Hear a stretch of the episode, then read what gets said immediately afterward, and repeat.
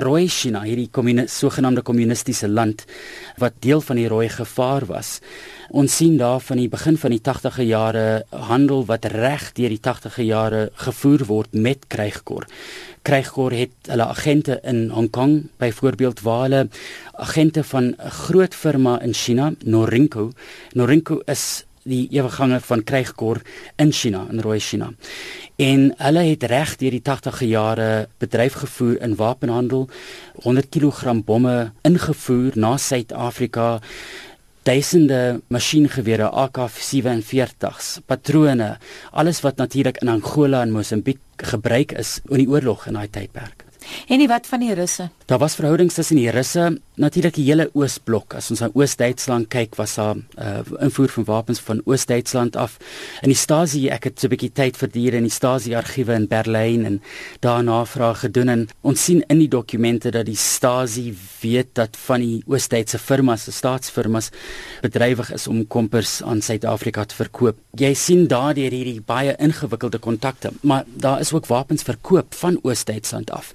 Ons het een van die dokumente in die militêre intelligensie het ons argief 'n dokument gekry wat oor 'n middelman praat met die naam van George Starkman, 'n Fransman wat bedrywig was vir krygkor in die 80e jare. En die hoof van Suid-Afrikaanse militêre intelligensie en die hoof van die Franse intelligensie ontmoet in in Frankryk in 7 of 88 en hulle wou hierdie Starkman opspoor. Hulle het net vir die Franse gesê, "Kan julle ons help om Starkman te kry?" Die Franse het gesê, "Ons gaan hom na Marokko toe lok." Ek weet julle Suid-Afrikaners se 20 hulle Starkman het hulle 20 miljoen dollar geskuld en die Franse het gesê as ons hom nou Marokko toe lok, is dit dan julle probleem as Suid-Afrikaners. En die vraag was wie is hierdie Starkman? En toe het ons net begin navorsing doen om uit te vind en uh, Starkman het eintlik 'n boek geskryf in die 90e jare in Frans wat ons dan vertaal het. En dis hierdie ongelooflike storie van wapenhandel waar hy met krygkor verteenwoordigers in Switserland ontmoet. Hy gaan na Oos-Berlyn toe en hy is besig met wapen aankoop wat hy vir die Oos-Duitsers sê vir Peru. Ons stel is om na Peru toe te gaan.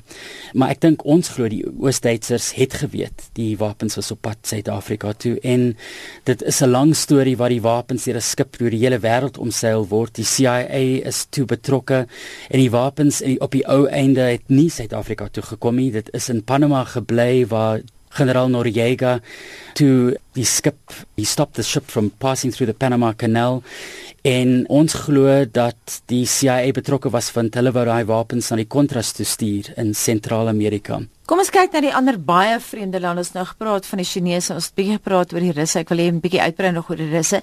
Maar dan kom daar name soos Zaire se president en dan skielik hoor jy van Liberia. Hoe het hierdie ouens betrokke geraak? Ek meen hulle was ideologies totaal aan die ander kant hmm. van die politieke spektrum. Ja, net ek weet ons was verbaas toe ons gesien het van die Afrika lande was ook betrokke en dit is natuurlik nie as ons dink oor die kontak tussen die CIA byvoorbeeld of die uh um Franse intelligensiediens en ander met van hierdie lande het hulle ook van die kontak bewerkstellig tussen Pretoria byvoorbeeld en Zaire maar reg deur die 80e jare sien ons hierdie beweging tussen Pretoria militêre intelligensie en ander mense vlieg baie Kinshasa toe en waar hulle dan vir Mobutu Sese Seko self ontmoet en hulle praat oor die invoer en uitvoer van wapens. Suid-Afrika het wapens na Zaire toe uitgevoer. Daar was offisiere van die weermag wat dan ook gestasioneer was in Zaire in die 80e jare van die Suid-Afrikaanse weermag. In terselfdertyd het hulle natuurlik ook 'n rol gespeel as 'n soort middelman. Toe Suid-Afrika probeer het, toe die apartheid regime probeer het om wapens of nie net probeer het geslaag het om wapens van China, rooi China te invoer was dit Mobutu Sese Seko se regering wat as die middelman gespeel het. Mobutu het geweet die Chinese was betrokke en hy toe self persoonlik toestemming gegee dat die hawe van Matadi, dis die grootste hawe van nou die Demokratiese Republiek van Kongo gebruik word om wapens van Shanghai uit te voer op 'n Deense skip wat toe in uh, Matadi gestop het. Die plan was om dit in ehm um, nuwe containers. Dit het nie uitgewerk nie op een oomblik toe hulle nou besig is met hierdie wapens om wapens van die een skip af te laai en die ander een kom die Sowjets toe en die Russe Russiese uh, skipe daar toe gestop en al die store moes toegemaak word terwyl die Russe daar was.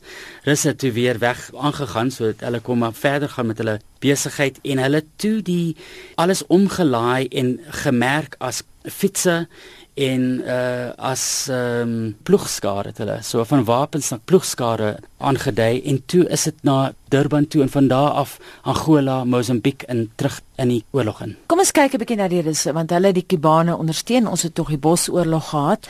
Nou eh, het hulle dit beide kante toe gespeel. Dit was met baie van die regering se geval. Vir die Russe was dit natuurlik nie 'n feit dat hulle reg deur die 80e jare wat ons gesien het nie intelligensie byvoorbeeld aan Suid-Afrika gegee het nie.